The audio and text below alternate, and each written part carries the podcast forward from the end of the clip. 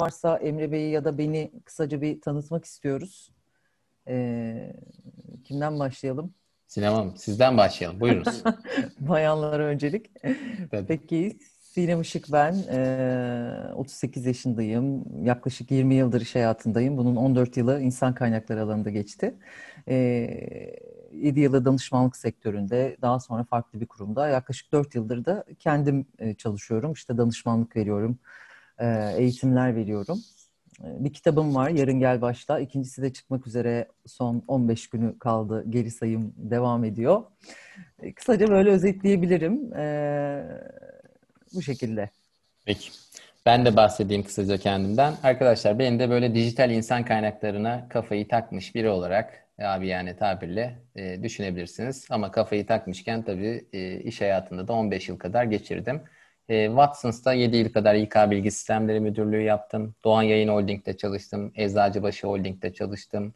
E, Sabancı Holding'de tüm topluluk ücret, İK Bilgi Sistemleri süreçlerinin kurulması, toplanması, işte onun sahipliği süreçlerinde çalıştım. İKNT ve diğer alanlarda da işte e, yöneticilik ve başka tecrübelerim var. 7-8 yıldır da işte Türkiye'deki ilk 500 büyük şirketin yaklaşık %70'ine insan kaynakları analitiği konusunda hem danışmanlık hem de eğitimler verdim. E, veriyoruz. Bir ekibimiz de var tabii. Verdim demek biraz ayıp oluyor değil mi liderlik kültüründe? Ama e, birlikte ekibimizle geliştirdiğimiz e, 7 kişilik bir ekibimiz var. Veri bilimciler de var içinde. Bunlarla birlikte aslında amacımız İK'daki kararları e, veriye dayandırmak deyip ben hemen konulara girerim. Hemen Sinem Hanım'a vereyim. İşe alımdan ne dersiniz? Nasıl bir sohbet yaparız? Tabii bir kurgumuz olacaktır ama buyurun evet. ne dersiniz Sinem Hanım? Evet şöyle şimdi aslında bu akşam insan kaynaklarının birçok fonksiyondan bahsedeceğiz ama önce biraz belki dijitalleşmeden e, yavaşça girmek daha iyi olur gibi diye düşünüyorum. E, çünkü her şey dijitalleşiyor ya da herkes dijitalleşmeye çalışıyor ya da öyle bir gereklilikten e, bahsediyor ama insan kaynakları tarafında tabii Türkiye'nin daha alınacak çok yol kat edecek e, yolu var. E, biraz şeyi konuşalım istiyorum. Yani neden dijitalleşmeye ihtiyacımız var insan kaynaklarında? Ne diyorsunuz? Değil mi? Aslında değil mi? Herkes zaten kendi işini yapıyor, değil mi? Birisi mail evet. atıyor, birisi şey oluyor ama dijitalleşme şöyle olmazsa olmaz gerçekten bir şey. Hmm, şunu şu şunla açıklayabiliyorum ben daha çok. İnsan kaynakları dijitalleşmesi için de geçerli, diğer dijitalleşme alanları için de geçerli. İnsanı bir lükse alıştırdığınız anda biz buna hijyen faktörü diyoruz. O lüksün gerisine asla dönemezsiniz. Asla. Bununla ilgili birçok dinde, üç büyük dinde de sözler vardır. İşte zengin olup fakire olana acıyınız demek gibi. Dijitalleşme buna benziyor biraz. Dijital bir şey yaptığınız anda, örneğin biraz gerçek hayattan örnek verelim e, banka bütün işlemlerimi ben dijitalden yapıyorum. Herkes çoğunlukla öyle yapıyor. Bir vize hmm. görüşmesi, Amerika'ya bir vize e, görüşmesine gittik. E, dediler ki ıslak imzalı olması lazım. Bankaya gittim. Maksimum 4 dakika bekledim. O kadar çok zoruma gitti ki 4 dakikada sinirlendim. Arabayı park etmiştim. Eskiden beni 10 yıl önce bankaya götürseydiniz belki bir saat beklerdim. Ama bir kere o tadı aldıktan sonra geri dönemiyorsunuz. O yüzden insanlar bir kademe atladığında asla geri dönemiyorlar. Ne konuda? Bir işi uzun yoldan yapıyorsanız, biri size kısa yolunu gösterse bir daha uzun yoldan yapar mısınız? Muhtemelen yapmazsınız. Aynen işte öyle. dijitalleşme böyle bir hastalık gibi. Aslında iyi bir hastalık gibi, iyi bir bakteri gibi diyelim. Vücudumuza, insan kaynaklarına, birçok alana e, yayılmış vaziyette olmazsa olmaz bir şey diye e, cevap verebilirim. Tabii İK'da çok konuşacağımız Hı. konu var işe alım, yetenek, veriler. Aynen evet. Ee, aslında şey de var biraz yani dijitalleşiyoruz. Hani biraz diyoruz ya hani bu dijitalleştikçe e, İK bazı rollerini kaybedecek mi?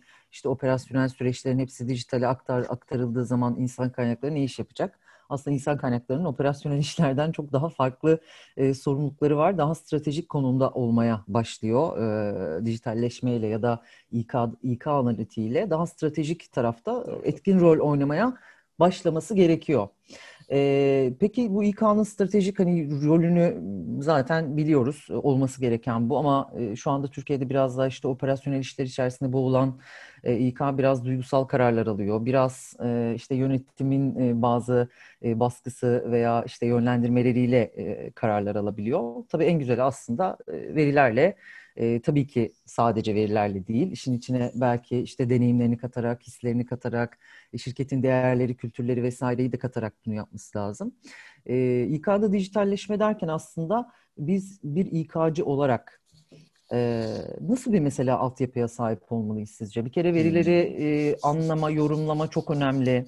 Yani o işte insan kaynakları süreçler arasındaki e, bağlantılar, e, işte o adımlar ya da hangi süreç hangisine etki ediyor, işte nasıl bir hani o domino taşının etkisindeki gibi e, süreçsel olarak bir hakimiyet zaten söz konusu.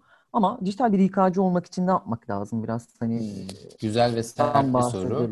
Şimdi ben bu konuda bu sene hem yüksek lisansta hem de lisansta böyle bir ders vereceğim. Dijital İK dersi de. Aslında dersi vaz mı geçsek diye de düşünmüyor değilim ama espri yapıyorum. Neden? Gerçekten çok ihtiyaç var. Yani ve ne çok. bilmemiz gerekiyor? İki şey var. E, dijital İK'cılara çok fazla talep var. Yalnız burada İK'cı olmayanlar hemen üzülmesin işinizi ne iş yapıyorsanız mutlaka bir dijital sos üstüne olması lazım. Mesela sevdiğim benim güzel bir acı sos var. O olmadı mı yemek yemem çok zor. Yani çok güzel bir sos. Tadı da güzel falan zararlıdır, yararlıdır. Onu konuşuruz. Ama işinizde dijital bir sos yoksa bu olmaz. Ya mesela ben finansçıyım. Nasıl dijital sos? Ne diyorsunuz? Hani yemek falan dediniz. Şöyle söyleyebilirim bunu. E, herkesin Bakın Dünya Ekonomik Forumu'nun bir araştırmadan söyleyeyim. Dünya Ekonomik Forumu'nun yapmış olduğu bir araştırma ve önerdiği bir veri seti var. Diyor ki herkesin bilmesi gereken en önemli yetkinlik. Mesela dijital olacağız ya. İş zekası raporu yapma yetkinliği. Şimdi işte yaklaşık 60 kişiyiz burada. İş zekası raporu yapmayı bilenlerin sayısı kaç acaba? Değil mi? Bunu yapmak peki çok mu zor? Ya ITC mi olmam gerekiyor? 5 dakikada iş zekası raporu yapabilirsiniz. Hani reklam gibi olmasın ama bir forum zaten. Heyranalitik.com'da mesela 5 dakikada iş zekası raporu yapmak diye bir yazı var. Bunu okuyabilirsiniz. İnanılmaz e, derecede çok fazla veri var. Ama dijital İK'cı olmak için sırf iş zekası raporu yapmak yetmiyor arkadaşlar. Başka bir şey daha var. E, temel olarak yazılım mantığını da birazcık anlamaya başlamak lazım. Mesela ilkokul çocuklarına İngiltere'de ve Amerika'da öğretiliyor şu an SQL. Bir yapılandırılmış yapısal veri tabanı dili. İnanın Excel'de bir formül yazmaktan çok daha kolay. Günde 3 saatinizi ayırsanız şu an Master Chef var mı? Ayıp olmasın şimdi insanlar da oraya gitmesin ama iki Master Chef'e ben size söyleyeyim SQL öğrenirsiniz. O yüzden bana ya yazılım mı öğreneceğiz ne yapacağız? Hangi departmanda olursanız olun. SQL öğrendim ne oldu siz dediniz diye mi? Hayır. Veri tabanıyla konuşmak için yani veriyle konuşmak için sizin SQL bilmeniz gerekiyor. İleri seviye Excel bilmeniz gerekiyor. Dünyada 1 milyar insan Excel kullanıyor ve ileri seviye kullandığını düşünenlerin en az en e, ortalamada bilmediği sayı ne biliyor musunuz? 4000 tane özelliğini Excel'in bilmiyor. İyi seviyede kullananların. Ben bu arada Excel eğitmeniyim de bankalara ve şirketlere eğitim veriyorum. E, oradan da biliyorum. Diyor ki mesela kız çok iyi biliyorum Excel'i. İki tane özellik gösteriyorum. Diyor ki ben bunu yıllardır böyle yaptım. Niye böyle yaptım? O yüzden bir konuda bilmediğinizi bilmek. Ne bilmediğiniz üzerine. Yani siz çok mu şey biliyorsunuz böyle bir şey anlatıyorsunuz. Benim bilmediğim bir şey. Robotic Process Automation'da kod yazmayı bilmiyorum mesela. Ben de onun üzerine gidiyorum. Yani hepimizin bir gap'i var. Bir de doğru işlemiyiz diye bir konu var ki ona da belki birazdan geliriz. Evet. E, şöyle bir şey de var. Şimdi e, İK'cılar şey demeye başladı yavaş yavaş. Yani biz IT'ci de mi olacağız? E, hmm. Hani onu da mı öğreneceğiz? Zaten birçok şeyi bilmemiz gerekiyor. O tarafa da mı? Tabii ki öyle bir şey olmayacak.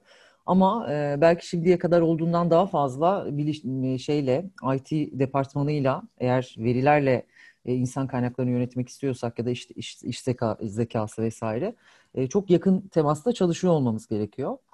E, ve dediğiniz gibi yani ileri seviye Excel çok çok önemli. E, bir şey daha söyleyecektim sizin konuşmanız arasında ama şu an Birisi ee, algoritmaları söylemiş. Soner Bey'e evet, teşekkür şeyi... edelim. Algoritma bilmemiz gerekiyor mu diyor. Algoritma Aha, evet. bilmeniz de gerekiyor ama algoritma böyle çok teknik matematik bileyim ya böyle gideyim ben zaten matematiğim kötüdür, kötüdür diye düşünmeyin. Ben İK analitik eğitimleri veriyorum. İnsan kaynakları analitik eğitimleri. İstatistik mezunları bile standart sapma ya da algoritmaları öğrenmişler ama kullanamıyorlar.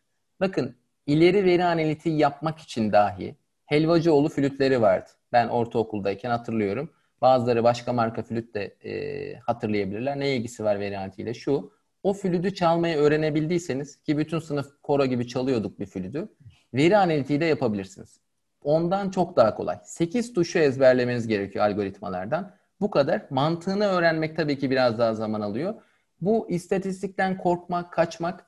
Şimdi kitapta nerede? Uzağımda bir yerde herhalde ama Çıplak İstatistik diye de bir kitap var. New York bestseller falan olmuş. Fena da bir kitap değil. Çıplak İstatistik diye böyle kırmızı kabı olan bir kitap var. Bu tip arkadaşlara hemen o kitabı veriyoruz. Diyorlar ki ya hayat aslında bir matematik. Yani veri, algoritma, ITC'lere soruyorum artık bilmiyorlar.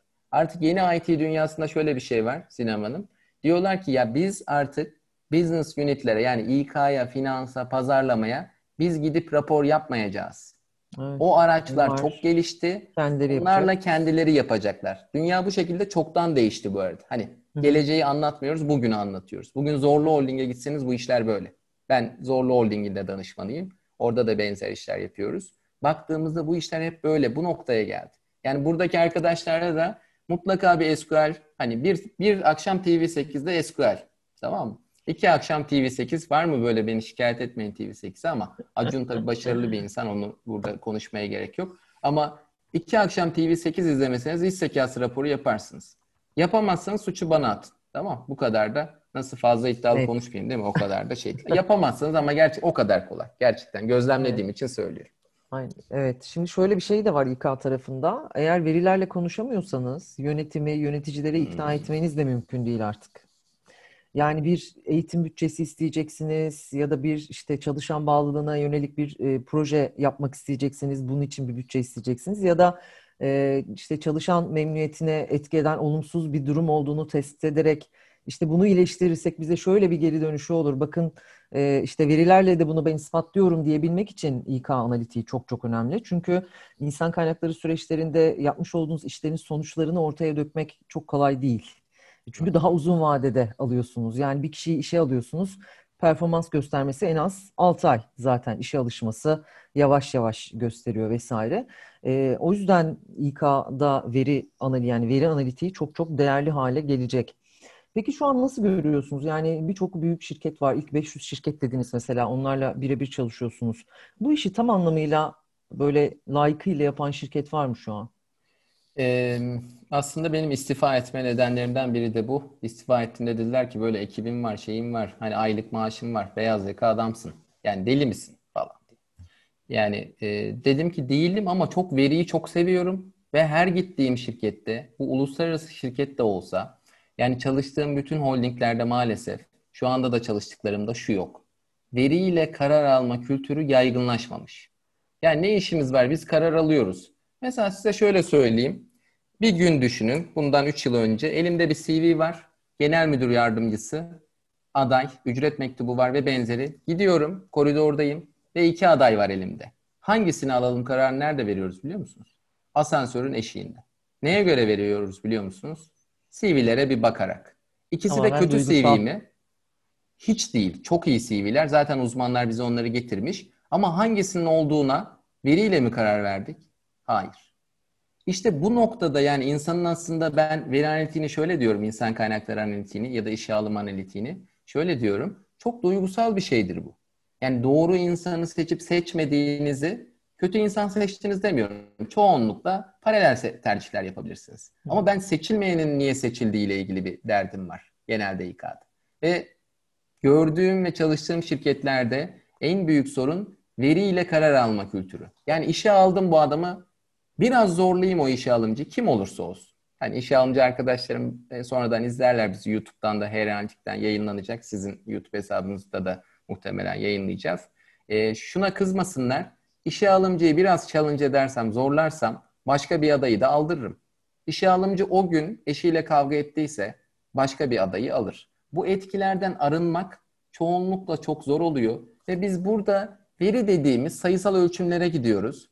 Biraz bir adım ileriye gideyim. Veri denilen şey de yani aslında duygu dediğimiz şey de birer veri. Ya şimdi beni mesela bu yayında biraz açık sözlüyüm sevmeyen birileri olabilir. Mesela o insanları mesela belki de el hareketiyle konuşan insanları sevmiyorsunuzdur. Bir elektrik almamışsınızdır. Ya da sizi sevmiştir. Arkadaki perdenin deseni çocukluğunda mutlu bir anına denk geliyordur. Bu duygusal bütün kararların hepsi de aslında bilinçli veya bilinçsiz verilerle veriliyor. Geçmişteki hafızanızdaki veri kodlarıyla veriliyor. Bazılarını hatırlamıyorsunuz. Bununla ilgili küçük bir kitap önereyim. Malcolm Gladwell'in, Malcolm Gladwell diye bir adam var. Böyle saçları kabarık falan Amerikalı gözlüklü bir tip böyle. Ee, onun kitabı var. Ee, Tipping Out diye e, ve Outlier diye. Outlier diye. Burada da yazayım Outlier diye kitabı. E, bu kitapta arkadaşlar şöyle bir örnek var. Hayatta küçük bir örnek vereceğim. Hayattan hemen geri döneceğim. Merak etmeyin.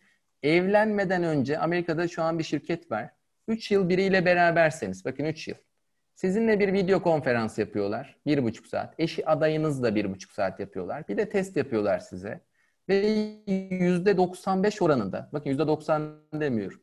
Yüzde 95 oranında sizin o kişiyle evlenirseniz ayrılıp ayrılmayacağınızı doğru tahmin ediyor.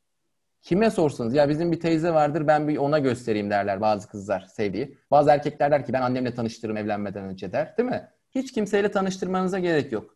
Koyun veriyi direkt karşılığında size yüzde 95 doğrulukla söylüyor. Nereden Vermiş. biliyor bunu? E psikolojik Türkiye, testlerle biliyor. Türkiye'de Türkiye neden gelmedi acaba? Ben mi getirsem? Gelse bayağı bir şey olur. Bence kesinlikle. varsa öyle imkanınız getirin yani. Kesinlikle, kesinlikle. Talep görür. Doğru söylüyorsunuz, doğru söylüyorsunuz.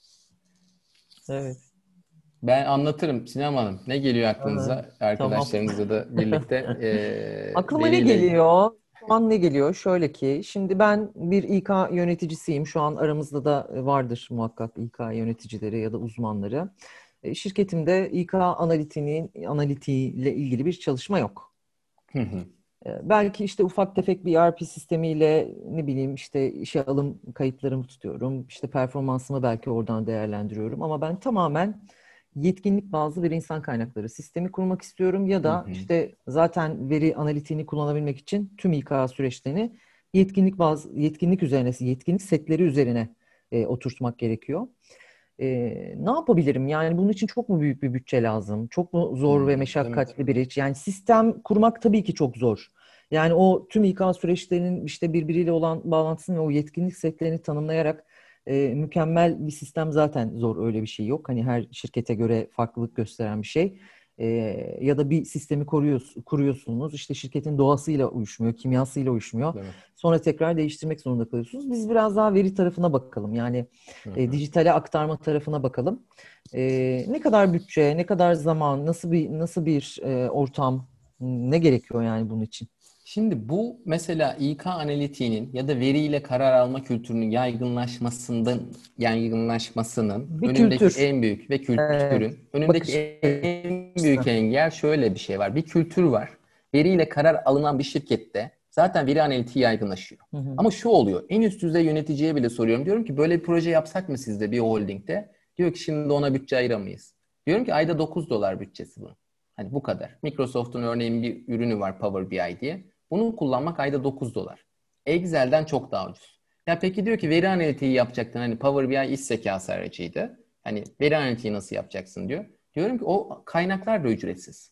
RStudio diye bir araç var mesela RStudio. Ücretsiz bir yazılım. Ücretsiz kaynak, açık kaynak kodlu yazılımlar şu an dünyayı keşfetmiş vaziyette. Yani Hı-hı. tamamıyla ücretsiz açık kaynak kodlu araçlarla bunu yapıyoruz. Veka diye program var. Biliyor musunuz dünyadaki yüzde 60 yüksek lisans ve doktora tezlerinin istatistiki testleri VEKA diye bir programla yapılıyor. VEKA W ile yazılıyor. Bu Hı. VEKA programı arkadaşlar bütün istatistik analizleri ücretsiz size yapabiliyor. Yani o yüzden veri analitiğinin önündeki tek engel şu kalıyor. Bir kültürel engeller var. Korku, belirsizlik. Bir de dijital yetkinlik eksikliği var. Bugün Türkiye'de dahi birçok pozisyon finansta, pazarlamada ya da İK'da çalış. Fark etmez. Üç ana fonksiyonu söylüyorum veya satışta çalışın. Sizden şunu isteyen ilanları görürsünüz. R Studio bilmek. Mesela R Studio bilen finansçı arıyorlar. Ya ben muhasebeciyim arkadaş. Ne işim var R Studio ile? Bilanço kayıtları da birer rapor ve oradaki de bir fraud detection dediğimiz. Yani acaba burada hatalı bir kayıt var mıyı da R Studio üzerinden tespit edebiliyorsunuz. Bunların hepsi dediğim gibi e, tabii ki birazcık hap şekline getirerek söylüyorum bunları. Derinleşmek zordur ama 6 ayını ayıran herkes bugün itibariyle 6 ay sonra nerede bir yerde buluşalım. Bu konuya emek harcadıysanız 5 tane algoritmayı kullanmayı öğrenmeniz sizin için bir 10 günlük bir süreç söylüyorum. Daha bugün bir İK analitik eğitim vardı. Her yönde insan kaynakları analitik eğitimi verdim. Aynı şekilde işte Tüpraş vardı, Koç Holding'den şirketler vardı ve benzeri. Hepsi gördüler bu raporları çok kısa sürede yapabiliyorlar. O yüzden başlamak ve zaman yönetimi konusu önemli. Ee, ve bütçeye gerek yok. Sorunuz çok önemli bir soru. Ya peki bunlar niye yapmıyorlar? Belirsizlik ve korku nedeniyle yapmıyorlar. Bir de şunu bekliyor şirketler. Nasıl ya ben da bilmiyorlar. Nasıl yapacağım? Nereden başlayayım? Hangi programı izleyeyim? Hı-hı. Yani çok küçük. Hani bir de veriye de ihtiyacı var. Buyurun. Yani veriyi toplama. Bir o veriyi ama. toplamada da sıkıntımız var. Kesinlikle bu. Yani, yani en önemli önce bir veri, veri toplamak gerekiyor yönetmek için. Aynen Kesinlikle. veri kalitesi. E, hatta veri yokluğu, daha çok veri yokluğu. E, sonra var olan verinin kalitesi. E, onu tabii bir sisteme entegre etmek. Ama az önce soruyla aslında bağlantılı e, şeyden girmişti hani kurumsal hayatı niye bıraktım diye. Hı hı. Aslında birçok şirket şu an veri yönetimi konusunda yani İK'da en azından İK analitiği konusunda tam randımanlı çalışmıyor. Hı hı, doğru. Şöyle yapıyorlar. Yani çok mesela ben İK direktörüyüm diyeyim. Bakıyorum her her yerde böyle danışmanlar çıkmış, eğitimler var falan. Çok yok İK eğitimi. E, bu arada onu da söyleyelim. Uygulamalı İK ya da işe alım analitiği ile ilgili bir eğitim de yok. E, yakın zamanda belki sizlerle böyle bir şey de planlayacağız. E, bakalım. İşe alımda veri analitiği konusu da önemli bir konu diye de söyleyeyim. Nasıl yapıyorlar? Ben bir İK direktörüyüm diyelim. Genel müdür yardımcısıyım. Bakıyorum popüler bir konu. Nedir? Veri, yetenek yönetimi, veri analitiği konusu. Şunu yapıyorum. Bizde bu işi kim en iyi yapar? Ücretçi. Ücretçiye diyorum ki sen artık analitik yapabilir misin? İşten de atamıyorum şimdi çocuğu tamam ya da kızı. Diyor ki yaparım tabii çok da ilgiliyim. Çok azı maalesef. Yüzde bir ikisi bu yetkinliğe sahip e, diyebilirim. E, bunların adını, title'ını diyor ki sen ücret değil artık İK Analitik ve Ücret Müdürüsün. Tanıdığım birçok ücretçinin adı şu an ücret ve İK Analitik Müdürü ya da ücret ve İK Analitik uzmanı olarak çevriliyor. Önce pozisyonların adı değişiyor. Tam tersi olmalı bence. Pozisyonun niteliği değişip adı değişmeli. Bu şekilde bir şey var maalesef. Öyle söyleyebilirim. İK, İK analitik uzmanı dediğimiz rol. Hı hı. Ee, daha çok iş zekası raporlarına yönelik çalışıyor İK'da. Veri analitiği bilmesi yani, gerekiyor. Veri analitiği bilmesi gerekiyor ve daha çok yani İK'nın raporlama tarafı diyelim. Verileri Doğru. analiz edip yani çok yuvarlak bir tanımla e, raporlama tarafı. Aslında stratejik İK'ya veri verme, karar alması için. Doğru. Aslında bunu ben şöyle tanımlıyorum. Bakın İK analitiği böyle uzun uzun algoritma varmış, çok güzelmiş, SQL öğrenmem gerekiyormuş. Ya ben açtım güzel bir film var. Film de söyleyelim. Moneyball diye bir film var mesela. Tamam. Moneyball diye Brad Pitt de oynuyor. İstatistik filmi. Biraz sıkıcıdır ama güzel bir film. Ama şunu özetliyorum ben. İnsan kaynakları analitiği ya da dijital İK ile ilgili çalışmak isteyenlere ya da veri analitikçilere. Bakın dün, bugün ve yarınla ilgili ne yapıyorsunuz iş yerinde? Dünle ilgili rapor yaparım. Geçen sene ne oldu, ne oldu, 3 sene önce ne oldu, işe alımdaki acaba hangi kaynaklardan adam aldım, bu adamların ortalama performans notu ne? Dünler bunlar. Bugünle ilgili yapacağınız şeyler iş zekası raporu oluyor. Diyorsunuz ki anlık cep telefondan iş zekası raporunu göstereceğim. 5 dakikada bunu öğrenebilirsiniz söylüyorum. 6 dakikada öğrenenler yazabilir. Peki dün, bugün gelecekle ilgili de bir şey bilmesi gerekiyor İK analitik uzmanı ya da veri analitiği yapan herhangi bir departmanda çalışanın. Gelecekle ilgili tahminlerin e, temeli de regresyon, forecast gibi algoritmalar. Regresyon analizini öğrenmenizde gerçekten 1-2 saat çabayla regresyon analizini en azından lineer regresyon modelini, gelecek tahminleme modelini 3-4 tuşla bugün yapabiliyoruz. 20 yıl önceki yani lisede istatistik alan yoktur. Üniversitede istatistik alanlar, yüksek lisansla istatistik alanlar bu geçmiş 10 yıl içinde hiç o aldığınız istatistik gibi değil. Ya bana birisi diyebilir ki ya ben yüksek lisans yaptım hiç de öyle değildi. O zaman öyle değildi. Bugünün araçları sürükle bırak teknolojileriyle 15-20 dakikada veri analitiği dahi yapabileceğiniz noktaya geldi. Sizin ama dediğiniz biraz önce önemli bir konu. E, veriyi bulmak zor. Veriyi depolamak zor. Veri kültürü yaratmak zor. Burada sıkıntı yaşıyoruz. Veri olduğundaki sonraki kısmı 10 dakikalık bir iş. Veri analitiği kısmı diye söyleyebilirim. Evet, en zor kısmı toplama gerçekten. Peki, e, tabii insan kaynaklarının tüm süreçlerinde aslında veri analitiğini kullanıyoruz, değil mi? Yani hı hı. insan kaynakları planlama sürecinden e, işe alıma, işe alımda yoğun bir şekilde kullanılıyor. E, kariyer yönetimi, terfi, performans yönetimi tarafında çokça var. e, potansiyeli belirleme, işe alım tarafında özellikle potansiyeli belirleme ya da e, daha sonra işe almadan önce performansın tahmin edilmesi bu çok kritik bir nokta zaten.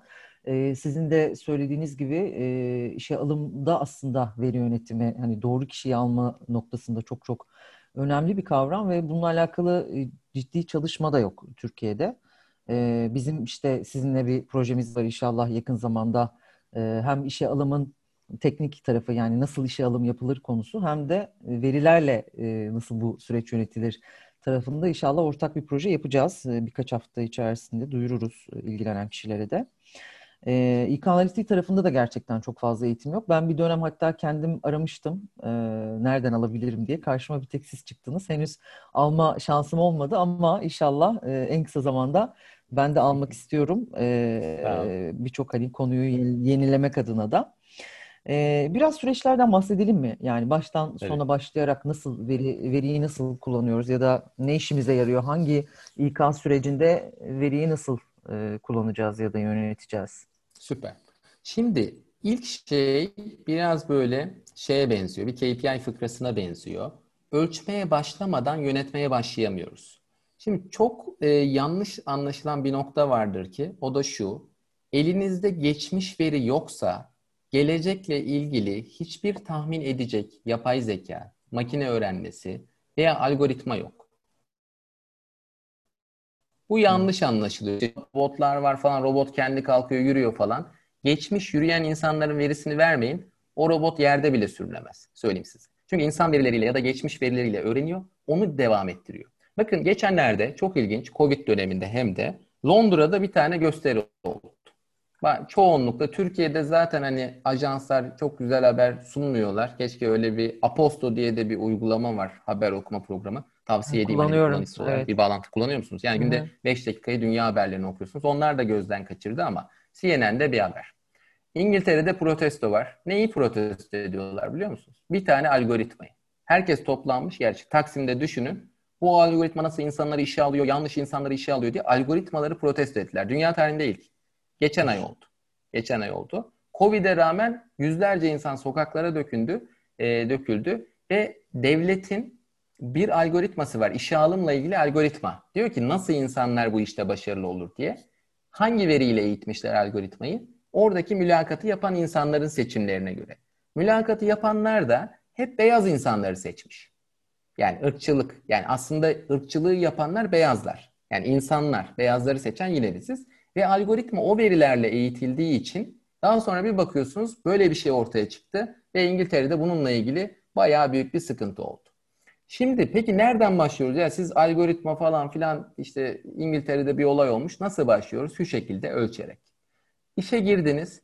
İşe girdi, girmeden önce aslında sizin örneğin hangi pozisyonlara başvurduğunuz daha işe başvurmadan önce geçmişte ne, nelere başvurduğunuzla dair ilgili bir veri seti tutuyoruz. Yani mesela hem finansa hem İK'ya başvuran bir pozisyon belki ileride rotasyon için değerlendirebilir. Ama o tıklamaları sabit şekilde tuttunuz mu?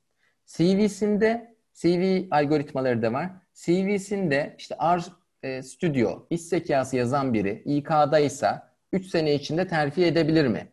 Önce verileri alıyoruz CV'sinde yazanlar işe alım aşamasında yetkinlik setine uydu mu uymadı mı? İşe alım sırasında tikliyorum. Bu adam meraklı bir adam. 5 üzerinden 4. Ne kadar doğrudur ayrı bir şey. Psikometrik testimi de yapıyorum işe alımda. Oradan da bir veri seti geliyor. Oturduğum yer var. İkametgah geldiğinde siz diyorsunuz ki muhtardan değil e-devletten aldın değil mi? Ben diyorum ki ikametgaha bakarken bu adamın ev iş arasındaki mesafe kaç kilometre? Dünyada yapılan birçok veri analitiği modelinde bu kullanılır mil olarak da. Yani evle iş arası kaç kilometre? Arabayla mı geliyor? Tramvayla mı geliyor? Servisi ne kadar bekliyor? Bu verileri tutmaya başlıyoruz. Ya siz de iyice yani şey yaptınız. Bu veriler tutuluyor mu? Tutuluyor. Ev iş arası mesafe çok kolay. Şirketinizin nerede olduğunu biliyorsunuz. Adamın hangi ilçede oturduğunu biliyorsunuz. Otomatik tablolar var. Bunu Excel'e alıp bile yapabilirsiniz. Kaç kilometre ortalama olduğunu bilebilirsiniz. Sonra bu adamın kaç çocuğu var mesela. AGI formuna dolduruyor. Siz AGI formunda o veriyi tutarken veri analitiği yapan bir şirket diyor ki kaç çocuğu olduğu bilgisini de bana istiyorum. Özel sağlık için ve benzeri.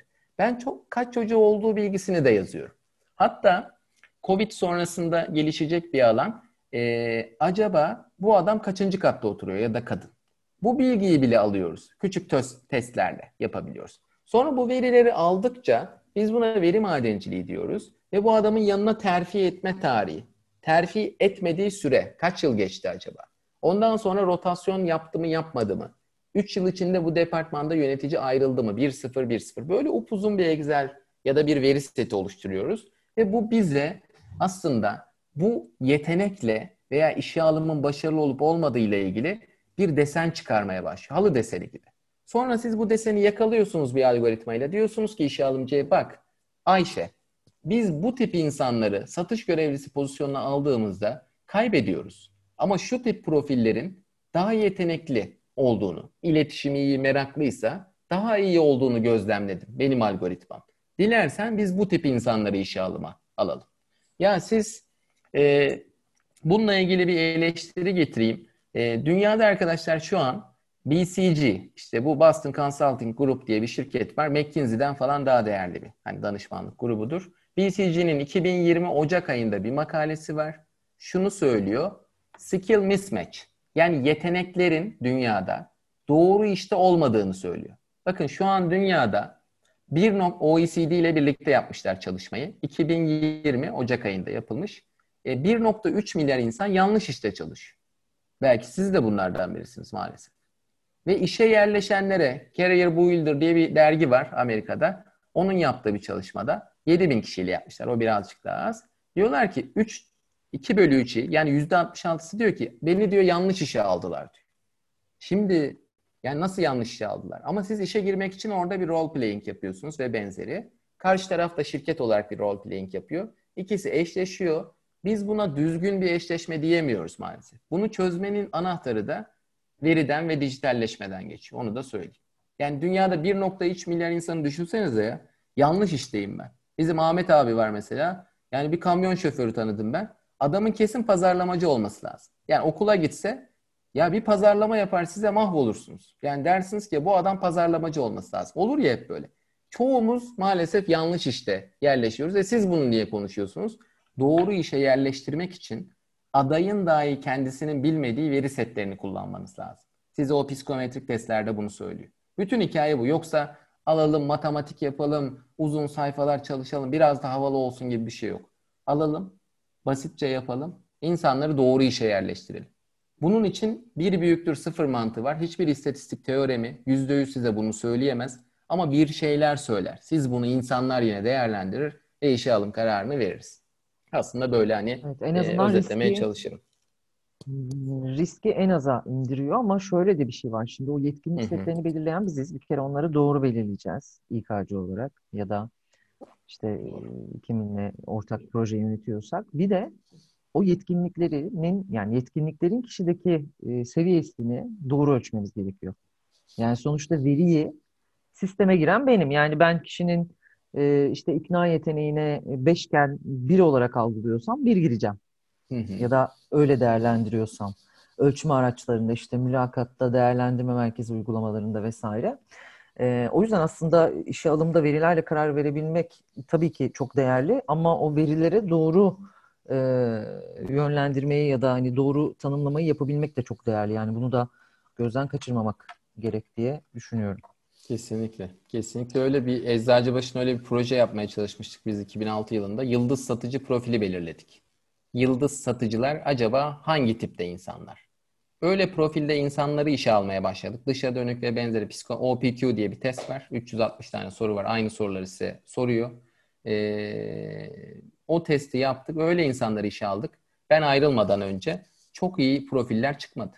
Yani böyle yaptığınız çalışmalar da hemen başarıya ulaşıyor ya adamlar yapmış hemen oluyor gibi bir şey düşünmeyin. Bu insanı tanıma süreci. İnsanı veriyle de tanıyabilirsiniz, konuşarak da tanıyabilirsiniz. Ama asıl başarı ikisini birlikte, yetkinlikleri üzerinden. Kişi bile kendi yetkinliğini bilmiyor. Bakın biz bir şirkette proje yaptık. E, projeye bayağı bir para ödedik. Tamam mı? E, şirket şunu soruyor özetle. Ben acaba mesela mütevazi bir insan mıyım? Herkes kendisine mesela 5 üzerinden bir not versin şimdi. Mesela verdiğiniz notu bir de yakın arkadaşınıza sorun. Çok fark çıkıyor. Alın size gelişim haritası işte. Bu Hı-hı. kadar. Hani dışarının yani dışarıdan algılandığımızla kendi algımız çok farklı zaten. Yani orada bir şey var. Belki bu aslında e, iş arayan adaylar için de çok iyi olacak. E, çünkü gerçekten yüksek potansiyeli olan kişiler kendilerini anlatamayabiliyor bazen. Hı hı, değil mi? E, yani onun tespitini tabii orada çok iyi bir işe alımcı olmak lazım. Analiz tarafı çok çok iyi olması lazım ve gerçek anlamda işe alım tekniklerini kullanarak bunu yapabiliyor olması lazım. Peki yetenek yönetimi tarafında yani işte bu yetenek haritalarının oluşturulması, işte o kutucuklara kişileri atama, onlar arası işte geçişlerin karar verilmesi gibi konularla ilgili nasıl çalışmalar yapılıyor? Şimdi şöyle, bu nine box dediğimiz bir kutu, dokuzlu bir kutu var. Potansiyelim yüksek, performansım da yüksekse beni en yukarıya koyuyorlar. Potansiyelim ve performansım yüksekse yukarıya koyuyorlar. Ama hikaye bu kutunun içindeki en son koyulduğunuz yer değil. Oradaki hareketleriniz. Eğer bu hareketlerle ilgili veri varsa şirkette, yani bu adamın performansı önce birdi. Sonra bir tane iyi bir yöneticiyle denk geldi, adam sıçradı mı? Bu deseni yakalayabilirseniz yetenek yönetiminde, veri analitiğinde yine nereye geldik? Yine veriye geldik. İşte adamın o hareketlerini yakalayabilirseniz ve düzenli bir ölçüm yaparsanız adamın bu hareketlerini yakaladım ben. Adam eskiden kötüydü. Şimdi bir anda parladı. Nasıl oldu ya diyorsunuz. Sonra bakıyorsunuz Google'un Oksijen projesi gibi yöneticiler genelde çıkıyor. İlham veren yöneticilerin olduğu şirketlerde görüyorsunuz. İlham verip vermediğini de aslında testlerle bulabiliyoruz biz yöneticilerin. Soruyorsunuz 20 kişiye random, sıradan atıyorsunuz herkese. Adam diyor ki ben bunu çok iyi iş yapıyor ama berbat bir adamdır. Gelsin işini bozar. Çoğunlukla da şirketler böyle insanları tutuyor. Hatta onur ediyoruz. Mesela yeteneği öldürenlerin ne olduğunu söyleyeyim size maalesef e, veri yeteneği tekrar çıkarmak için yeşerten bir gübre gibi düşünebilirsiniz. Ama yeteneği öldüren şeyler yetenekli gözüken yeteneksiz insanlardır. Yüksek performans çok tehlikeli bir şey. Görecelidir. Hı. Bakıyorum ben yüksek performans denilen insanlara çoğu o kültürden bir şekilde palazlanmış, kendi network ağını kurmuş ve hypo gibi davranıp diğer yetenekleri yani yeni soruları ve yeni yetenekleri öldürüyor maalesef. İşte veri analitiğiyle biz bunları da tespit etmeye çalışıyoruz. Hadi tespit edin diyebilirsiniz. Bir örnek vereyim veri analitiğinde. Ee, yeni bir alanıdır veri analitiğinin. Yeni değil tabii ki ama yeni kullanılmaya başlanmıştır özellikle İK'da. Organizational Network Analysis. Yani organizasyonun ağ analizini yapıyoruz. Nasıl yapılıyor bu literatürde? McKinsey'nin yapmış olduğu projeler var Ford'da ve benzeri. Şöyle, şirketinizde birbirine e-mail atan kaç kişi var? Acaba pozitif mi e-mail atıyor, negatif mi, nötr mü? Bunu sayan makine öğrenmesi algoritmaları var. Türkçe'de çok çalışmıyor onu söyleyeyim. İngilizce'de çalışıyor maalesef.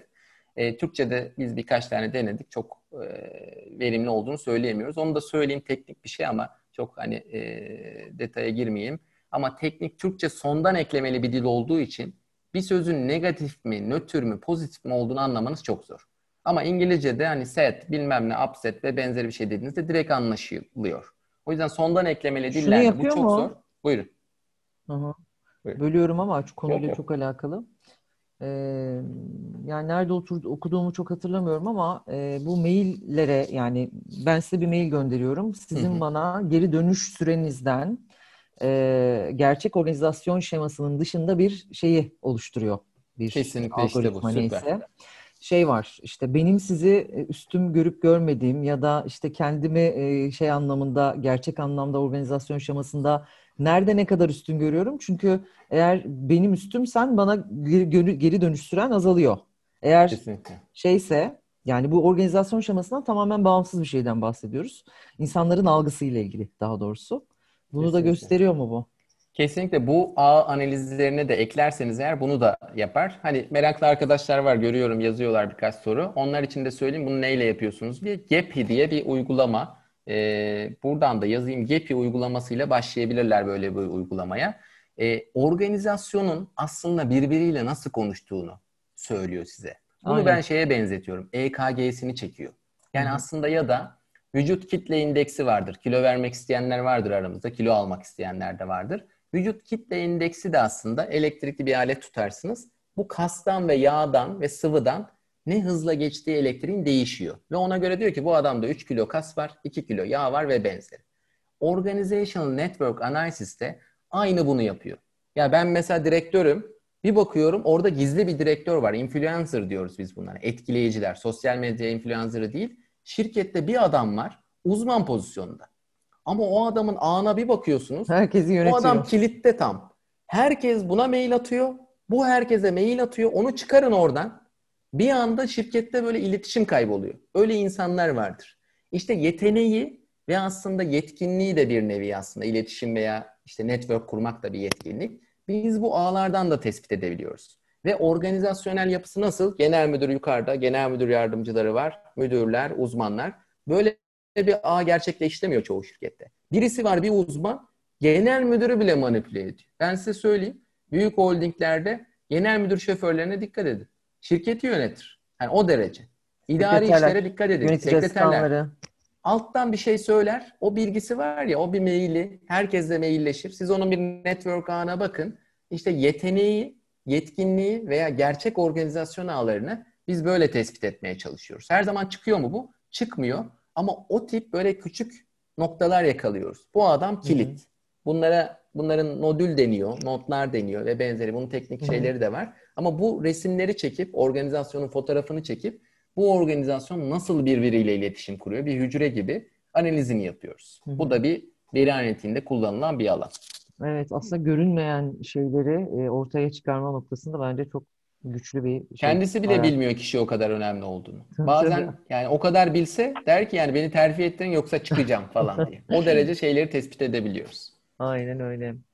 Ee, peki son olarak hani ben biraz toparlayalım gibi sanki bir saat olmak üzere. Sonra Aa, soru evet. soruları olan varsa onları alırız. Evet. Ee, ben işte verimli bir İK analitiği, işte Hı-hı. veri yönetimi yaptım, yetenek yönetimi, kurdum sistemi. Bana ne kazandıracak şirket olarak? Ben hangi kararları e, alabileceğim? İşe alımdan bahsettik. Doğru e, adayı almak adına birçok veri veriyor. Başka bir kısmından yine bahsettik Hı-hı. aslında. Bir terfi kararları vesaireden de bahsettik. Tabii tabii. Aha. Şimdi ilk kazandırdığı şey yani. para. Amerika'da yapılan bir çalışma, Türkiye nasıl olur ya falan diyebilirsiniz ama e, 2400 dolar bir kişinin e, ortalama işe alım maliyeti. Türkiye'de tabii ki tam hesaplandığı yok. E, bir ara e, birkaç şirketle denedi bunu. İK metrik ve benzeri bir şeylerde falan ama çok fazla bir maliyeti var. Yanlış adamı işe almanın maliyeti inanılmaz. İki türlü bir de. Yani alınan da ızdırap çekiyor. Bakıyorsunuz adam çırpınıyor, yapamıyor, şey yapıyor falan filan. Ya diyor ben bunu mu evinde bile tartışıyor. Düşünün bir hayatı da karartabiliyorsunuz. Yanlış bir işe alım demek aslında şu demek değil. Ya biz birini aldık yapamadı değil. Birini hmm. aldık yapamadı ve o adamın da hayatını mahvettik demek. O yüzden ben yasal mevzuat müdürlüğü de yaptım insan kaynaklarında. İkale veya işten ayrılmalara o gözle bakarım. Bazen kangren olur olaylar. Ve bunların çoğunun iş hukuku ve çözümsüzlüklerin e, temelinde de maalesef bu oluyor. Yani ne sağlıyor? Duygusal faydası inanılmaz yüksek. Ama para olarak bir kişinin işe alımı ve yanlış bir kişinin işe alımını inanamazsınız. Yani maliyetini... Çalışanın e, 24, maaşının 24 katı. Düşünün. Mesela bir araştırmada sinemandan geldi. 24 katı. Bir kişi yanlış bir e, işe aldığınız zaman. E, yeteneği belirlemek ayrı bir derttir tutmak ayrı bir derttir. Şimdi Türkiye'deki en büyük sıkıntılardan birini de söyleyeyim. Yeteneği belirlerken kullanılan bir test yapılıyor. Mesela 3 tane koşulu oluyor genelde. Diyor ki son 3 senedir performans notu 2 ve üzeri yani üst seviyede. İşte şu şu şu okul setlerinden mezun olmuş mu? Bu bu dili iyi mi? Ve bir de yöneticisi önermiş.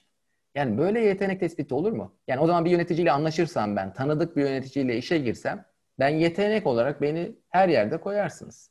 Yetenek yönetimi ayrı bir şey. Yetkinliklerini belirlemek lazım. Kişinin kendine liderlik edebilmesi, kendi liderliğinizi yapamıyor, yapabiliyor musunuz? Bunlara bakmak lazım. Peki veriyle, yani soruya dönelim. O duygusal kısımlar benim ilgimi her zaman çeker bir veri analitikçi olsam da. Bütün dert zaten onları tespit edebilmek. Soruya dönelim. Bu ne fayda sağlıyor? Bir, dediğiniz gibi para kazandırıyor şirketlere. İki tarafa da. Yanlış bir işte ilerleme şansınız çok düşük.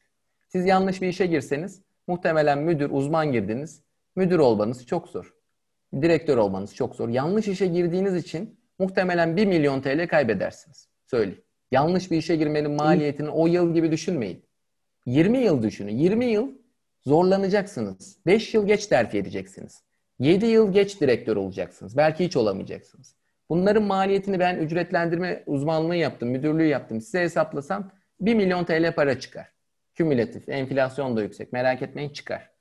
Bunların görünmeyen maliyeti de, çok yüksek değil mi? Görünmeyen maliyet de çok fazla var. Eğitim maliyetleri çok artıyor. Değil mi? Tabii, bir kişiyi o pozisyon için kaç para eğitimlere gidiyor ve benzeri. Ee, yanlış bir insanı işe almanın maliyeti gerçekten çok yüksek. Doğru insanı işe almak için kullanabileceğimiz iki şey var. Yetkinlik bazlı mülakatlar, AI destekli, yapay zeka destekli mülakatlar var. Hire Venue diye bir Dubai'li bir girişimin yaptığı Hire Venue diye bir yazılım var mesela. İnsanları videodan tanımaya çalışıyor falan. Şunlar da bebek adımları aşamasında ama veriyle yani karar alırsanız 50, buyurun. bölüyorum ama o şey e, bahsettiğiniz yazılım %50 işe alım maliyetlerini azaltıyormuş. Değil mi? Fire Venue. Ben de bir araştırmada bulmuştum. Hı-hı. Hatta kitabımda da yer verdim. Yeni kitabımda. Ee, az önce bahsettiğiniz şey de var. İşte işe alımın aslında çalışan tarafında da çok fazla yükü var. Yani çok ciddi sosyal bir sorumluluk da taşıyoruz orada. Yanlış kişi işe aldığımız noktada. Onunla ilgili de bayağı uzun bir yer ayırdım kitapta. Ee, merak ediyorum ama şey, gerçekten. Özellikle teşekkür ederim. Ee, sanıyorum şu an Vodafone e, kullanıyor o şeyi. Türkiye'de de kullananlar var. Türkiye'de de kullananlar var. Ama daha çok deneyim, evet, daha paralelde çok deniyorlar. Daha çok paralelde deniyorlar bu bu tür yazılımları. Hı. Ee, hatta biz de bir üniversiteyle böyle bir şey yapmaya çalıştık falan ama oradaki e, yüz tanıma algoritmaları falan biraz şey yani bunlar gizli şu an halka açılmış veya internette bulabileceğiniz algoritmalar değil. Veriyle çalışırsanız e, sadece işe alımda değil hayatınız da değişir. Mesela yani siz kariyerinizin kariyerinize ne kadar para ayırıyorsunuz? Bunlara da bakmak lazım. Örneğin mesela minimum yüzde beşini maaşınızı aldınız. Yüzde beşini kariyerinize ayırmanız lazım. Data Camp'e üye olun. Harvard Business Review okuyun. Economist okuyun. Dünyaya farklı bir gözden bakacağınız noktalara gelin. Ee, diye böyle özetleyebilirim. Veri analitiğinin e, yapan şirketler diğerlerine göre e, %50 daha fazla cirolarını arttırabiliyorlar. Veri analitiğinde yetkin olan şirketler e, yine bir İK analitiği şeyi %0,01 bile engagement skoru arttırsanız 100 bin dolarlık Best Buy'da yapılan çalışma e, 100 bin dolarlık e, ciroda bir artış oluyor. E, sizin veriyle karar almanız gerekiyor. Yani hepimizin veriyle karar alması gerekiyor. Hem hayatınızda hem de iş hayatında. İşe girmek maliyetini e, çoğu insan şanslı olduğunu söylüyor. Bir gün bir mülakattayım hiç unutmam. Ee, birisi dedi ki ya ben dedi burada dedi bir fırsat buldum öyle dedi ilerledim. Diğeri de dedi ki ya ben dedi buraya geldim böyle kaldım. Bu farkı düşünebiliyor musunuz? Bizi biri diyen bunu genel müdür. Ben dedi buraya bir geldim aldım yürüdüm dedi. Denk gelmiş. Hayatımızı tesadüfi yaşıyoruz ya. O yüzden ilk dönmemiz gereken veriler de bu arada kendi verilerimiz. İletişim seviyor musunuz? Mesela ben işe alım sorularında sorarım. Kafede nerede oturmayı seviyorsunuz? Dışarısı açık, yaz günü, içeride köşede mi, Arkadaşlarınızla dışarıda mı? En son arkadaşlarınla hangi hafta görüştün diyor. Kişisel sorular soruyorum ama veri bilimci alırken analitik adam yakalamam lazım. O yüzden kendinize bu soruları sormanız lazım. Kendi verilerinizi de derlemeniz lazım. Gerçekten ben ne istiyorum? Bunu deneyerek de görebilirsiniz stajlarla ve benzeriyle. Ama hmm, şöyle bir şey de var. Ee, güçsüz yeteneklerinize odaklanacağınıza, naçizane tavsiyem benim veriyle ilgili güçlü olacağınız yanlara da yatırım yapın. Yani iletişimi güler yüzü iyi olan bir insan şimdi burada baksan birisi kamerayı açsa bir dakikada anlarım. Ben mesela hani çok güler yüzü bir adam değilim. Espri yapmayı severim falan ama hani o yetkinliğinizle kesişen bir işe de girmek e, sizi çok ileri taşır. İletişim yani bugün Enka şirketi var mesela dünyanın en büyük inşaat şirketlerinden biri. Enka'yı büyüten şeyi söyleyeyim. Davos zirvesinde Gidiyorlar biriyle güler yüzü adam bir sohbet ediyor falan Amerikalı bir şirketle.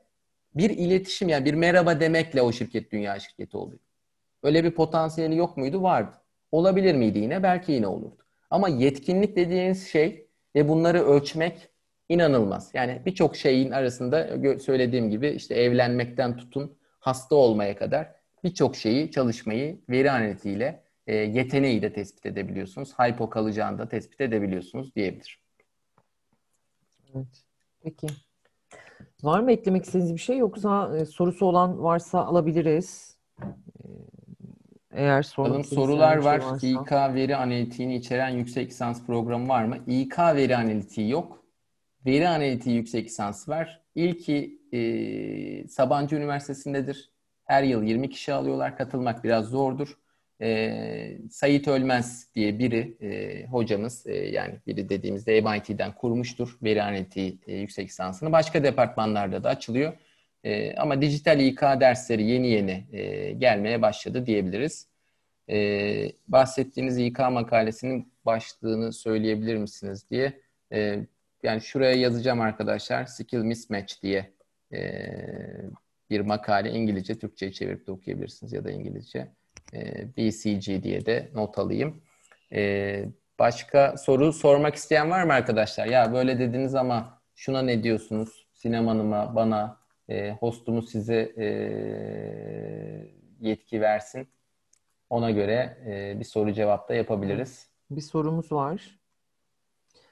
Kendimizle ilgili verileri toplayabileceğimiz bir ölçüm platformu ya da kişilik analiz testi önerebilir misiniz? Tabii ki. E, yani ücretli olanlar da var. Ücretsiz olan benim kendi kitabımda Yarın Gel Başla'da bir örnek var. E, ücretli olarak da Disk Thomas ya da 16PF olabilir. Bilmiyorum sizin önereceğiniz bir şey var mı Emre Bey? Ya şöyle geçen kendime yapamadım ama ben son kullanıcı olarak bu hani kişi iş alım testlerinde e, çok iyi değilim. Wing Finder diye bir şey sanırım. Wing yani kanat bulucu. Tamam mı hani? Hı hı. E, Red Bull yapmış bunu bir yazılım şirketiyle birlikte. Testini yapmadım. Popüler bir şey de çıkarsa e, özür dilerim. Hani bir disk kadar değildir ama e, buna bir bakabilirsiniz. Thomas Sixten PF'i de siz de yazdınız zaten. Onlar daha profesyonel. OPQ'ya da bakabilirsiniz. E, o da hani iyi bir araç olarak ben en azından kullandım. Geçmişte hı hı. eczacı başındayken. E, buna bir bakmak gerekebilir diyorum. Bir şeyi söylemeye atladım. Belki yani İK alanına çok da e, sorular geliyor. DJHR diye de bizim bir projemiz var BNC Türkiye olarak. E, bncturkey.com'dan isteyenler bakabilir. Şu anda da başvurular e, bitmek üzere. E, dijital İK'cı yetiştiriyoruz işte veri analitiği öğrenen Şükran Hanım yazmış DJHR e, diye. DJHR programı e, buradan da e, dijital İK'cı olmak istiyorsanız mülakatla bir yetenek testiyle alınıyor. Onu da bir küçük bir not olarak da söylemiş e, olayım. 16PF ücretsiz varmış. E, Güzel. Birisi Soner Bey bir soru sormuş. Sohbet için teşekkür ediyor. Ben de teşekkür ediyorum Sinem Hanım ve bizim adımıza. Ben endüstri mühendisiyim. İK olarak kendimi geliştirmek istiyorum. Clement'in veri madenciliği programını temel seviyede kullanıyorum ve kendimi ham veri madenciliği hem de İK olarak nasıl geliştirebilirim? Başka programlar öyle öğrenin. Ee, yani buraya bir set yazabiliriz. Hani bu konuya ilgi olduğu için bütün departmanlar bunu kullanıyor. Onu söyleyeyim arkadaşlar. Öğrenmeniz gereken şeyler e, benim de yani ben de dahilim bu şeye. RStudio, temel seviyede SQL, iş zekası, e, Tableau'yu öğrenmenizi tavsiye ederim. Naim Analitik, e, biraz geniş bir liste yazdım. Soru uzun olunca e, arkadaşımız ilgileniyor. Naim Analytics araçlarını mutlaka öğrenin. Bir de VEKA'yı e, mutlaka öğrenmenizi e, tavsiye ederim. Yılmaz Bey de sanırım buradan DJHR başvurusu atmış. Yayından çıkmayın ama yayından sonrası için kopyalayabilirsiniz e, ya da linki açın. Emre Bey, buyurunuz. Hı, ben de bir soru sorabilir miyim? Tabii ki tabii. Estağfurullah ben şimdi buyurunuz. İK analitiği konusunda Türkçe kaynak var mı kitap? Hmm. Yok bir tanesini biz yazmaya çalışıyoruz. Yok. Ee, maalesef yok. Ee, ama İngilizce kaynak e, konusunda da çok fazla Amerika'da kitap var. Ama bu kitapların çoğu böyle Amerikalılar çok güzel kitap yazıyorlar. Herhalde yapay zeka Hı. yazıyor diyorum bunları. Tıkır tıkır bir bakıyorum bir şeyin kitabı çıkmış daha böyle. Amazon.com Amerika hesabına bakarsanız Yurt dışından yani bu kitap Türkiye'deki maalesef Sabancı ve Koç e, kütüphanelerinde de yok. Var gözükür ama yoktur ama söyleyeyim bu kitabı. Yani en çok önerebileceğim kitap Predictive Analytics 2016 Edwards. E, Edwards diye bir adamcağızın yazdığı diyelim. E, 2016 yılında yayınlanan turuncu kapaklı bir kitap. E, en iyisi şu an bu olarak gözüküyor. Yani dolu dolu. Yani içinde bir şeyler var. Diğeri sürekli Böyle laf dönüyor. İK metrik çok önemli. Analitik çok önemli. Tamam önemli anlıyorum. İş zekası yapın anlıyorum. Hadi yapalım diyorum. Yapana kadar kitap bitiyor genelde. Burada öyle değil. Tamam Bunda da böyle bayağı vaka da var. E, yeni bir alan. E, şöyle bir şey hani arkadaşlar madem İK analitikle ilgili bir şey şu şey varsa e, kendime bir e, paylaşmıştım ama şuraya bir bakalım. Çok küçük bir şey göstereceğim müsaadenizle. E, hostumuz Yılmaz Bey bana bir yetki verebilirseniz eğer e, çoklu ekran paylaşımı şehir kısmından evet geldi sağ olun. E, bakın ekranda şöyle bir şey paylaşıyorum. Bu saatte ne yapıyorsunuz falan diyebilirsiniz. Yaptığım şey şu. 2000 yılından itibaren yayınlanan İK analitik makale sayısının ne kadar arttığına bakın. İK analitik makale sayısı 2000 yılından itibaren inanılmaz sayıda artıyor. Bunlar ama e, özenle seçilmiş makaleler. Yani bu kadar sayıda değil çok daha fazla var. İşe yarar makale diye bir, bunu da bir makaleden aldım. E, çok fazla sayıda İK analitiğe talep artıyor. E, SHRM diye de bir, e, SHRM diye de bir e, uluslararası organizasyon var. E, Amerikalı e, Amerikalı bir hmm, ne diyelim İK organizasyon şirketi bir gönüllü vakıf gibi diyebilirsiniz. Üyelik paralı ama tabii ki. E, bunların yapmış olduğu çalışmaya göre de 2020 ve sonrasının en değerli pozisyonu, ikinci pozisyonu insan kaynakları analitiği, müdürü pozisyonu olarak da gözüküyor. Yani yatırım yapacaksanız arkadaşlar tamam şimdi ev mi alayım, bizim arabayı satayım falan diye arka planda düşünüyorsunuz. Tamam. Ben size söyleyeyim. Bir 100 dolar, dolar arttı ama arttırın. İngilizce orta seviye veya giriş seviyesi olsanız da DataCamp'ten ilerlersiniz. Bir RStudio öğrenin, SQL'i öğrenin, CV'lerinize yazın e, mutlaka etkisi olacağını e, görüyorum. Ben kendi eşimde de görüyorum. Kendisi e, insan terzi söküğünü dikemez. Finansal konuda çok ilerlemiyor. Bir baktık bütün pozisyonlar öyle olmuş. Pazarlamacıysanız hemen yapın. Geç kaldınız bile. Pazarlamacılar geç kaldı bile onu söyleyeyim. İK'cıysanız büyük fırsat var gidin. Finansçıysanız büyük fırsat var. Bu konuya gidin. Satışçıysanız Veriyle ilgili bir analiz yaparsınız, müdürü etkilersiniz, müdür onu direktöre söyler, direktör öyle bir anda parlarsınız. Hani e, böyle çok teknik özel örnekler de verdik. Yok dünyada işte makaleler, araştırmalar falan ama işin özü ne karar alıyorsanız hayatınızda kendinize de bakın bence. Veriyle e, karar alıyor musunuz? Bu önemli. DJHR hmm. başvurusu 21 Eylül ama uzatıldı şu an 25 Eylül'e kadar. E, ilgilenenler başvurabilirler. Son başvuruları hmm. alıyoruz diyelim. Bir soru daha mı var bilmiyorum. Recep Bey e, sormuş İK tarafında yer bulabilir miyim kendime PDR mezunuyum demiş. Tabii ki bulabilirsiniz. E, bol farkındalık, bol okuma İK ile ilgili alabildiğiniz kadar, e, yaratabildiğiniz kadar zaman ve bütçeyle eğitimler almalısınız. Veri analitiği tarafında da e, aslında HR analitiğin çok güzel eğitimleri var. Ben de takip ediyorum e, sıklıkla da açılıyor. Onları da takip edebilirsiniz. E, ve şey spesifik konularda da var. Değil mi? Doğru, doğru. Hangi uygulamalı şeylerde? ücret uygulamalı eğitimlerimiz olarak. var. Bütün eğitimler Hı. arkadaşlar. Uygulamalı bütçe yönetimi. İK'da bütçe biliyorsanız da çok büyük avantajdır.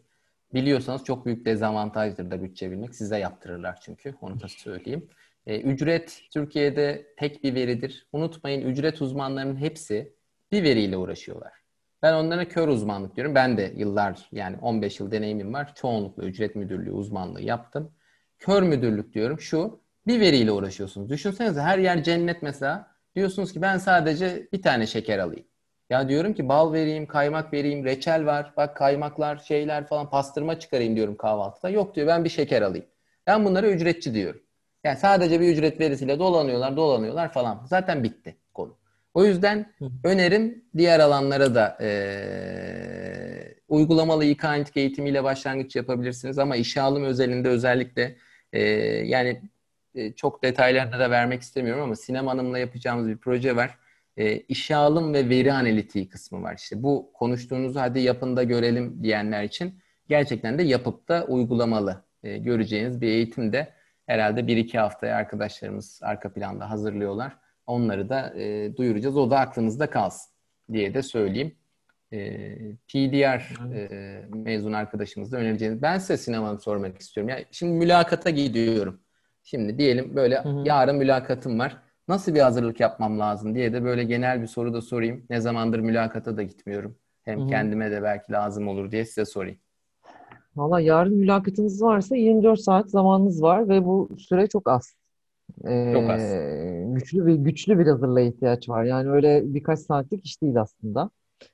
e, yani çok şeyi alıyoruz bu yani özellikle işte yeni mezun arkadaşlarımız, hmm. profesyonel deneyimli kişiler de çok hafife alıyor bazı şeyleri. Hani çıkabilecek sorulara çalışayım gideyim. Aslında çok daha detaylı bir çalışma yapmak gerekiyor. İşi çok iyi anlamak, şirketi rakiplerine kadar belki araştırmak, ürünlerine, yeni projelerine, e, kendi deneyimleri ya da hedefleriyle örtüşen noktaları tespit etmek, bunları nasıl ifade edeceğini anlat, e, çalışmak, kendi hikayesini nasıl anlatacağını çalışmak. Hikaye. Her güzel. şeyden önce. Yani işte nerede başladı, işte hangi tutkuyla bu alanı seçti, kim rol model oldu ya da işte bir hata yaptı, kariyer değiştirdi belki. Bir hikaye anlatımı söz konusu. Biz hikaye anlatımını aslında es geçiyoruz mülakatlarda. Ve hikayeleştirmenin önemini aslında her yerde konuşuyoruz. İşte eğitimlerde, onlarda, bunlarda vesaire. Hikayeleştirme yapmamız gerekiyor. O yüzden 24 saatte bu biraz zor. O yüzden yarınki mülakat için öyle söyledim. Ee, çok güçlü bir hazırlık yapmak gerekiyor. İsterlerse yarın gel başla okuyarak nasıl bu hazırlığı yapacaklarını e, öğrenebilirler.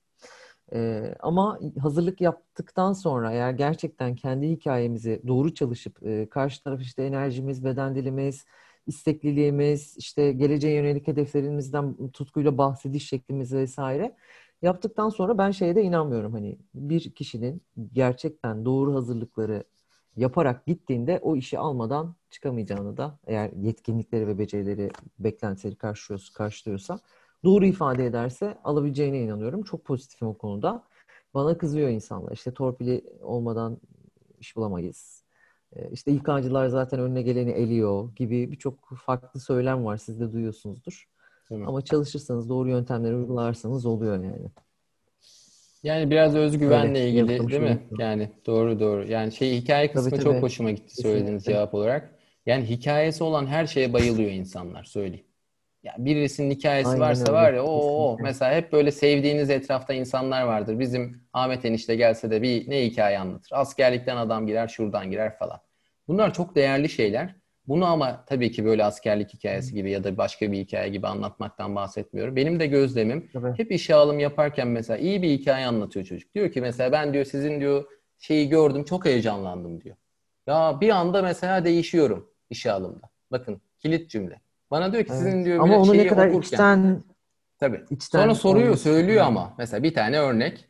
Diyor ki ya diyor şu iki başlık benim çok hoşuma gitti. Ben diyor sitenizi de inceledim. Sizin sattığınız ürünlere de baktım bu sektörün de büyüyeceğini düşünüyorum diyor. Diyorum ki o süper. Bizim direktörden daha üstü bir aday bence. Hani adam ne sattığımızdan daha emin değil. Hani o, o derece. Hı-hı. Gerçekten Hı-hı. bu tip böyle trikleri de ben de naçizane hani kendim de e, kullanırım tabii ki. Ne satıyorsun? Bir şirket ne satıyor? Niye var bir kere? Soyut bir şey olduğu çok önemli değil mi bir şirket? Ya yani birileri gitmiş her pazartesi bir yerde buluşuyor. Çok ilginç. Tabii işe alım yayınına çevirmeyelim ama buradaki e, noktada da bir şirketin hikayesine uygun iki hikayenin kesişimi olması lazım evet, gibi. Evet, evet. Yani ben burada ne yapacağım arkadaş? Bir şey yapmayacaksanız bile teşekkür edin çıkın. Hani Aynen. E, İşe diye. alım yayını demişken pazar günü, e, pazar akşamı da birlikteyiz Emre Bey'le ve bu sefer verilerle işe alım konuşacağız. Orada biraz daha işe alım özelinde konuşacağız. Bekleriz. Duyurusunu da yapacağız. E, şimdiden takviminizi alın bence. Pazar akşamı e, saat 10'da yine inşallah güzel keyifli bir sohbet yapacağız. O gün çok işe alım hikayem var anlatırım ben falan. Veri de anlatacağız işe alımda. Süper. Aynen. Osman Bey de şey sormuştu değerlendirme merkezi ile ilgili kitap. Türkçe kaynak yok o konuda da maalesef.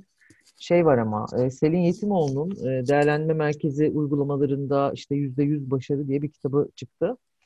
E, aslında iş arayanlar için bir kitap ama İK'cılara da çok güzel fikirler veriyor ve değerlendirme merkezi uygulamalarının işte kurgusu, örnek vakalar var mesela çok faydalanabileceğiniz onu okuyabilirsiniz diye e, onu da hatırlatmış olalım. Peki vedalaşalım o zaman Emre Bey isterseniz. Peki kendinize iyi bakın. Katılımcılarımıza çok, çok teşekkür, teşekkür ediyoruz. Çok sağ olun Sinem Hanım. Size güzel bir sohbet oldu. Veri konusu çok sıkıcı bir konu aslında ama hani değil mi öyle diyoruz değil aslında evet, ama güzel bir sohbet olduğunu katılımcılarımızdan da anladık. Anlandırmaya gitmediler. Çalıştık. Teşekkür ederiz. Değerlendirme merkezi uygulamalarında %100 başarı Selin Yetimoğlu. Çok teşekkür ederiz izleyen herkese. Pazar akşamı da bekliyoruz. Yine e, böyle bir sohbete eğer keyif aldıysanız mutlaka bekleriz. Emre Bey sizin de ağzınıza sağlık. Çok Sizin de teşekkürler. ağzınıza sağlık. Teşekkür Görüşmek ediyoruz. üzere. Sorular güzel. Herkese Kendinize iyi bakın iyi arkadaşlar. akşamlar. Hoşçakalın. Güzel bir akşam olsun. Görüşmek Hoşça kalın. üzere. Hoşçakalın.